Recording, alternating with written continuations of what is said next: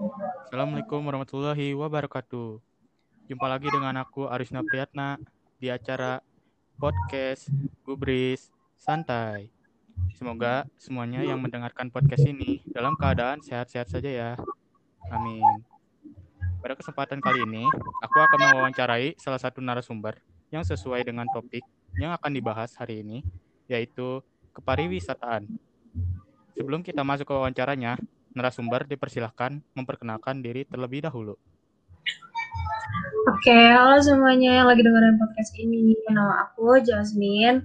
Aku sekarang kuliah di Sekolah Vokasi Institut Pertanian Bogor dan jurusan aku ekowisata. Aku sendiri sekarang angkatan 56. Wah, halo Kak. Bisa dipanggil halo. Kak Jasmine ya? Ya, bisa panggil aku Jasmine aja. Oh iya.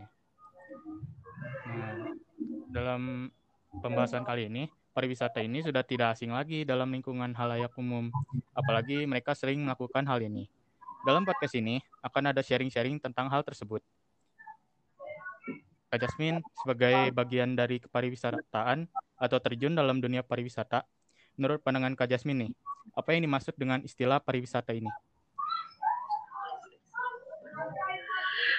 Kalau menurut aku itu pariwisata itu adalah uh, kayak suatu bidang di mana itu isinya tuh yang gak, gak selalu tentang jalan-jalan. Maksudnya tuh di dalam itu pasti selalu tentang jalan-jalan, tapi kita itu juga ngelakuin eh, hal-hal uh, yang bisa itu loh apa namanya uh, kita juga bisa interaksi sama orang banyak, terus hal-hal uh, yang kita lakuin itu juga menyenangkan. Terus kalau pariwisata itu menurut aku juga kayak kita melakukan suatu perjalanan itu dan kita sambil rekreasi atau liburan.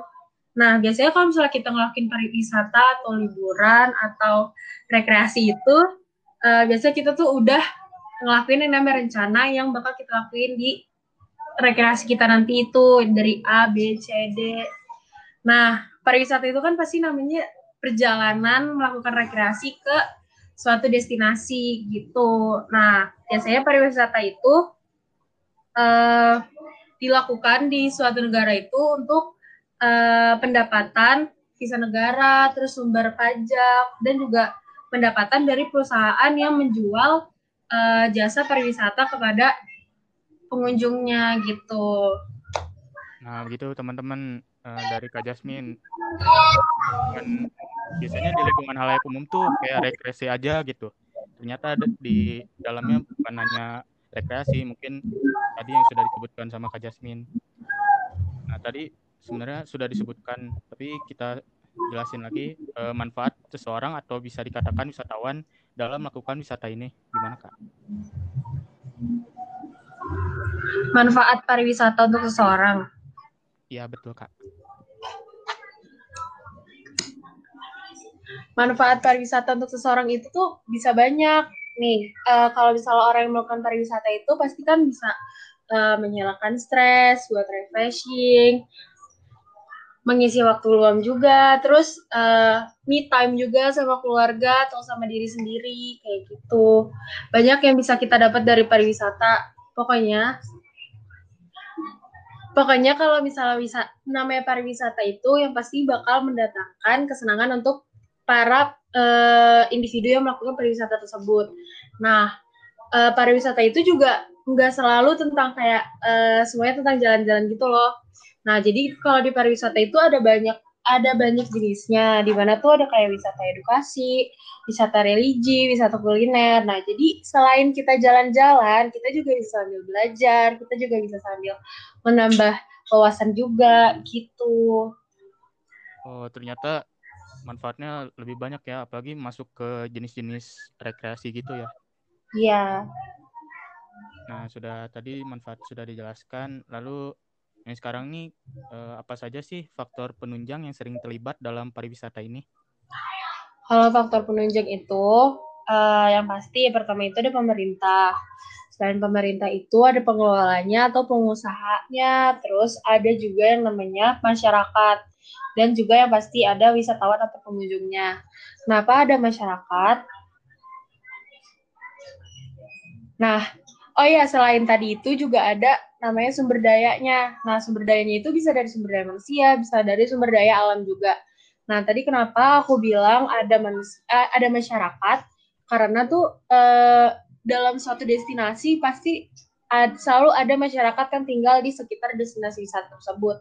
Nah, masyarakat di dalam pariwisata itu ada namanya uh, pariwisata kemasyarakatan. Nah, itu tuh maksudnya masyarakat itu turut andil dalam pengembangan pariwisata yang ada di daerah mereka tinggal.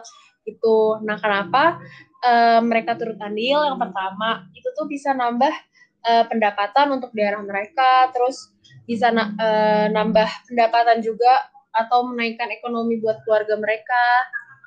Terus juga bisa membuka lapangan pekerjaan buat masyarakat gitu.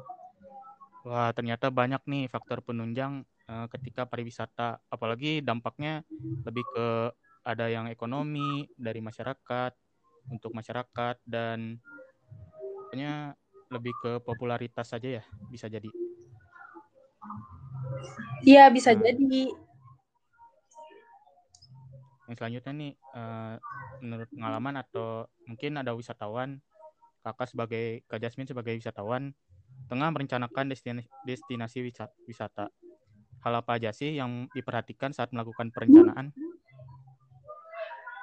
Hal yang biasa aku lakuin kalau mau ngelakuin uh, pariwisata atau lagi mau rekreasi itu yang pasti pertama waktu itu tuh harus banget kita harus bisa ngelakuin yang namanya wisata itu fungsi dari kita melakukan wisata itu kan pasti menghilangkan stres atau refreshing. Nah itu tuh kita harus ngelakuin itu di waktu luang.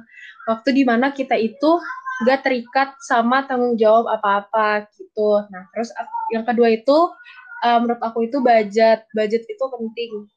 Uh, karena kita nggak bisa asal aja jalan tanpa kita tahu budget kita berapa Nah, terus habis itu ada tujuannya anak itu tuh nggak bisa langsung kayak uh, walaupun kita ada budget, terus kita ada waktu luang, terus itu kita nggak eh, nggak uh, tahu tujuan kita ke mana, itu nanti yang ada malah uh, kita bakal pusing sendiri di jalan. Padahal kan niat kita tuh pengen senang-senang, tapi kalau misalnya kita nggak tahu tujuan kita tuh bikin kita jadi mikir gitu loh. Nah, itu tuh juga harus diperhatiin. Nah, terus uh, selain itu juga menurut aku ada individu lain sih. Biasanya aku tuh nggak bisa, bukan nggak bisa ya. Aku tuh lebih sering kalau liburan itu sama teman-teman atau sama keluarga karena uh, namanya waktu sama uh, orang selain sama diri kita itu tuh sedikit banget semenjak apalagi sejak namanya kuliah. Nah, jadi tuh aku lebih uh, prioritas tuh sama uh, individu lain atau kayak sama keluarga atau sama teman karena tuh biasanya kalau pergi itu lebih ramai kan pasti otomatis lebih seru kayak gitu.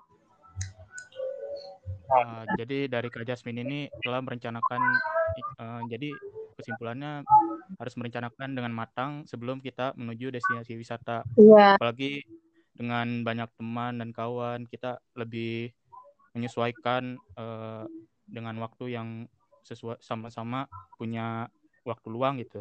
Mm-hmm. Nah, yang selanjutnya nih udah masuk ke, ke pariwisata nih terkait dengan aksesibilitas wisata. Tentu saja kita pengennya nih pengen banget mewujudkan motivasi atau keinginan kunjungan wisata atau kita untuk memenuhi bagian penunjang. Hal apa saja sih yang dapat bergerak dan mendukung pergerakan wisatawan dari wilayah asal wisatawan ke destinasi pariwisata? Nah, kalau misalnya tadi yang kamu bilang itu kan ada aksesibilitas. Nah, aksesibilitas itu kan eh, di mana itu kayak sarana penunjang atau kayak perjal eh, jalan yang menunjang menuju ke destinasi wisata tersebut. Nah, yang bisa kita lakuin itu atau si pengelolanya aku lakuin itu harusnya itu aksesibilitas itu lebih dipermudah. Biasanya itu jalannya harus lebih bagus, terus abis itu uh, harus ada yang namanya papan informasi atau papan interpretasi yang memadai. Jadi itu si calon si calon pengunjungnya itu tuh jadi tuh nggak eh, nggak uh, bingung kalau misalnya mau datang ke destinasi wisata tersebut. Nah, kenapa tadi aku bilang juga jalannya juga harus memadai karena uh, kalau misalnya uh, perjalanan yang ke sana itu terganggu karena adanya jalan, biasanya tuh uh, pengunjung pasti nggak mau nggak mau datang lagi untuk yang kedua kalinya atau seterus-terusnya. Nah, bisa aja juga kalau misalnya uh, kayak gitu tuh biasanya akan nyebar dari mulut ke mulut kan biasanya. Nah, itu bisa menyebabkan sepinya pengunjung ke uh, destinasi wisata tersebut. Nah, jadi tuh harus ada yang namanya jalannya itu tuh harus baik, terus ada papan informasi, papan interpretasi, kayak gitu. Dan juga harus uh, target pemasaran atau promosinya itu juga harus baik, harus memanfaatkan uh, media yang ada dan juga harus selalu lewat kayak majalah atau uh, lewat buku atau lewat koran kan sekarang udah zaman udah canggih bisa promosi atau pemasarannya itu lewat sosial media bisa lewat blog Facebook, Instagram, Twitter dan lain-lain manfaatin sesuatu hal yang memang lagi uh, dilakukan banyak dilakukan oleh uh, masyarakat sekarang gitu. Iya. Nah, jadi kita sebagai pengelola atau wisatawan kita harus identifikasi terlebih dahulu destinasi pariwisata apa yang kita datangi, uh, aksesibilitas bagaimana yang kita bakal jalun jalani. Jadi nggak nggak bakal buntu di jalan atau kebingungan sendiri. Apalagi kita bisa manfaatin uh, kecanggihan teknologi zaman sekarang untuk sampai di destinasi pariwisata. Begitu, Kak? Iya, benar uh, selanjutnya sebagai seorang yang bergerak nih di bidang kepariwisataan tentunya mempertimbangkan banyak hal termasuk perencanaan. Hal apa saja yang harus dipersiapkan untuk kedatangan wisatawan pada suatu daerah tujuan kan tadi sudah disebutin. Mungkin ada yang lebih detail dari tadi dari atas sumber daya manusia di sana, sumber daya alam dan masyarakat di sana gitu. Nah, yang harus kita uh, lakuin itu sebagai sebagai upaya untuk perencanaan itu yang pertama kita harus tahu sumber daya kita baik dari sumber daya alam sama sumber daya manusianya kita harus tahu dari uh, keadaan atau kondisi uh, lokasi yang bakal kita pakai untuk destinasi wisata tersebut itu bisa menunjang apa enggak buat uh, menarik wisatawan yang datang. Terus habis itu juga ada sumber daya manusia. Kenapa sumber daya manusia? Kita sebagai pengelola itu harus tahu uh, di mana uh, kadar kemampuan dari si sumber daya manusia tersebut untuk bisa mengelola tempat wisata tersebut. Kualitas dari si pengelolanya atau dari kualitas dari si sumber daya manusianya tersebut itu tuh kita harus tahu, kita harus uh, mengerti kualitas kita di mana dan kita juga harus bisa uh, tahu rencananya dari kita membuat destinasi wisata ini tuh mau buat siapa, sasarannya buat siapa, jenis jenis wisata yang bakal kita lakuin itu apa, atraksi wisata yang bakal kita kasih ke calon pengunjung itu apa, kayak gitu. Dan oh, baik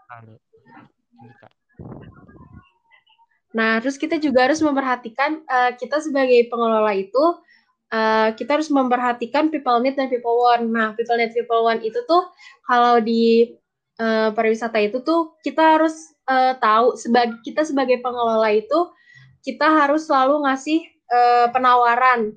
Penawaran kepada pengunjung atau calon pengunjung yang bisa menarik mereka untuk terus datang ke destinasi wisata kita kayak gitu. Wah banyak banget nih uh, kalian yang mau pergi wisata banyak mempertimbangkan banyak hal nih dari Kak Jasmine. Mulai dari perencanaan, perolehan informasi, persiapan, uh, tadi yang seperti dibilang apa tuh kak? Saya yang people dan people one oh. Nah itu tuh ini aku tambahin sedikit ya. Nah jadi tuh uh, maksudnya dari people need people sama people one itu kita tuh uh, dari pengelola bukan dari pengunjung ya. Ini dari sisi pengelola harus bisa memenuhi keinginan dan kebutuhan dari si pengunjung. Nah, kayak tadi yang aku bilang, biar bisa narik mereka buat kembali lagi ke destinasi wisata yang su yang sudah kita kelola. Terus juga bisa nambah kesan baik buat destinasi wisata yang kita uh, ingin, uh, yang kita kelola juga gitu. Nah, jadi dengan dengan tadi yang sudah dijelaskan Kak Jasmine, jadi wisatawan dari pengolah sudah dipersiapkan dengan matang. Jadi ketika sudah sampai daerah tujuan wisata, wisatawan ada kayak rasa daya tertarik dari dari pengolah pengolah tersebut Betul? Ya, jadi tuh uh, biar ada rasa ingin datang, rasa ketertarikan dari si calon pengunjung kak destinasi wisata tersebut gitu. Yang selanjutnya nih, tadi udah pertimbangkan banyak perencanaan. Yang selanjutnya kayak kesiapan fasilitas wisata nih. Pentingkah adanya pemberdayaan masyarakat? Tadi kan udah disebutin tuh kayak sumber daya manusia dan sumber sumber daya alam pemberdayaan masyarakat sebelumnya untuk menempati tempat destinasi wisata sebagai menjamin penciptaan kemudahan, kenyamanan, dan keselamatan wisatawan. Nah, uh, kalau untuk yang namanya kayak pemberdayaan masyarakat kayak yang tadi keselamatan kayak gitu dan terus ada fasilitas juga. Nah, itu tuh perlu karena yang namanya orang orang ke mana-mana nggak harus selalu melakukan nggak harus orang yang sedang melakukan rekreasi pasti itu perlu yang namanya uh, keselamatan jaminan keselamatan nah itu tuh harus bisa kita uh, kita harus bisa uh, apa ya kayak melindungi diri sendiri juga kita juga nggak bisa uh, namanya si pengunjung itu juga nggak bisa namanya terlalu mengandalkan dari pengelola atau dari si destinasi wisata tersebut. Nah, terus abis itu kalau untuk yang bagian fasilitas, uh, itu tuh fasilitas otomatis kan sudah udah disediain sama uh, pengolahnya pengelolanya. Nah, fasilitas yang ada itu pasti itu kan otomatis sebagai penunjang antara uh, destinasi wisata dengan pengunjung. Nah, fasilitas yang ada itu juga harus dijaga sama pengunjungnya. Nggak mungkin dong, maksudnya kita uh, udah datang terus kita ngerusak Nah, kan kita udah datang, kita bayar, otomatis kita kan harusnya bisa menikmati. Nah, karena kita menikmati, kita nggak boleh namanya itu merusak agar bisa dinikmati juga sama yang lainnya gitu. Nah, terus tadi ada apa lagi pertanyaannya? Aku lupa, maaf. Uh, udah itu aja yang tadi mulai kan tadi pertimbangan udah, lalu yang tadi dipertanyakan kesiapan fasilitas wisata yang udah dijelasin Kak Jasmine. Uh, kita butuh kesadaran dan penting akan uh, mengenali pemberdayaan masyarakat di tempat yang destinasi wisata yang kita akan datangi. Agar uh, kalian yang ingin mendatangi destinasi wisata mendapatkan kenyamanan dan keselamatan. Betul begitu, Kak? Iya, benar. Jadi pokoknya tuh kita setiap uh, melakukan apa-apa tidak harus selalu di bidang pariwisata. Kita harus selalu melakukan simbiosis uh, mutualisme. Jadi sama-sama saling menguntungkan. Kita nggak boleh uh, membebani salah satu pihak atau dari pihak tersebut itu nggak bisa membebani kita kalau misalnya mau terjalin uh, hubungan yang baik gitu. Nah, begitu teman-teman. Kita sebagai pendatang nggak boleh egois terhadap masyarakat di sana karena bakal mengganggu kenyamanan daerah sana dan kita nggak boleh apa ya jangan arogan lah ibaratnya. Jangan datang terus kayak ngerusak itu kan kelihatannya nggak nggak bagus gitu dilihatnya. Gitu kan iya nggak bagus. Pokoknya kita nggak boleh ngelakuin kerusakan. Nah, itu tuh nggak berlaku doang sama fasilitas sih. Kita juga harus bisa ngejaga sumber dayanya, ekosistemnya. Pokoknya semua yang ada di situ tuh kita harus bisa ngejaga. Kita nggak boleh ngelakuin kerusakan, nggak boleh ngelakuin vandalisme, gitu. Yang terakhir nih kita sharing pengalaman. Apakah Kak Jasmine punya mengalami uh, hambatan atau kendala pas mempersiapkan sarana dan prasarana ketika ingin menuju destinasi wisata? Ada nggak kak?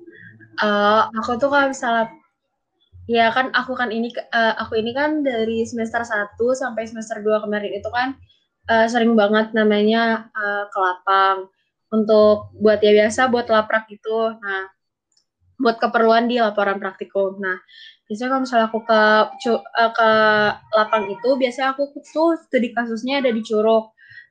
Nah, biasanya itu kalau misalnya jalan ke Curug itu aksesibilitasnya itu susah. Susahnya itu gimana? Nah, biasanya itu jal biasanya itu tuh jauh, jauh-jauh banget. Uh, nggak mungkin juga kan namanya Curug ada di kota, itu nggak mungkin. Pasti selalu ada di Bogor, eh di kabupaten. Nah, selain itu, selain jalannya jauh, biasanya jalannya itu juga rusak. Nah, kadang kalau misalnya jalan yang rusak kayak gitu sebenarnya uh, sangat menyulitkan kita ya bagi para calon pengunjung buat datang ke destinasi wisata tersebut. Cuma karena emang niat kita juga uh, selain uh, nyari data, kita juga uh, mikirnya kita tuh juga pengen liburan karena dari kepen kepenatan kita kuliah selama seminggu juga kan kayak gitu. Nah jadi setiap kalau misalnya uh, kita ke sana itu kalau misalnya aku ke sana paling kehambatnya itu tuh cuma karena emang kondisi jalannya aja yang rusak. Selebihnya itu ya udah bagus kok karena emang uh, setelah kita sampai di lokasi juga aku ngerasa juga uh, perjuangan aku selama di jalan itu juga kebayar sama keindahan alam yang udah dikasih sama pengelola di uh, tempat curug-curug studi kasus yang aku datangin itu. Wah, uh, dari ini sharing-sharingnya itu di luar teknis ya kalau hambatan gitu. Se kalau menurut aku itu nggak di luar teknis juga ya, karena namanya aksesibilitas itu kan uh, jalan itu kan jalur yang kita lewatin itu tuh uh, apa ya bisa kita tuh juga bisa bukan kita sih maksudnya tuh kayak pemerintah daerah setempat itu juga harusnya uh, bisa ngelakuin perbaikan karena kalau misalnya harusnya pemerintah yang di sana itu juga sadar karena di daerah mereka itu ada destinasi wisata. Harusnya mereka itu juga itu loh uh, sadar untuk biar bisa um, memanfaatkan potensi dari masyarakat sekitar buat kayak memperbaiki jalan itu biar bisa mempermudah pengu para pengunjung datang gitu paham kan? Nah uh, biar pengunjung juga dalam perjalanan senang ya jadi sampai sana juga senang gitu jadi makanya tadi yang aku bilang di awal itu semua lapisan uh, manusia itu kerja dan bertanggung jawab kerjasama mulai dari yang tadi aku bilang pemerintah, pengelola, masyarakat, pengunjung kayak gitu. Semuanya saling kerjasama. Nah, uh, tipsnya bermanfaat banget nih ketika kalian mau ke Curug apa ke tempat kabupaten apa menuju ke alam yang bakal kita datengin itu mengatasinya mungkin dari masyarakat setempat mungkin yang dengar podcast ini dari masyarakat yang daerahnya sering didatangi oleh pendatang mungkin pentingnya um, membetulkan apa ya aksesibilitas untuk demi memperbaiki popularitas ya. Iya buat uh, apa ya nambah kesan baik juga kan dari uh, pengunjungnya buat ke destinasi wisata tersebut gitu. Jadi kan bisa narik pengunjung lainnya juga yang belum datang ke sana. Uh, kita udah di penghujung acara nih. Uh, banyak banget tips-tips yang dari Kak Jasmine sebutkan dan jelaskan. Terima kasih Kak Jasmine sudah mau datang di hadir dalam podcast ini. Iya Ari, makasih juga udah ngundang aku buat uh, kita sering sharing-sharing bareng kayak gini.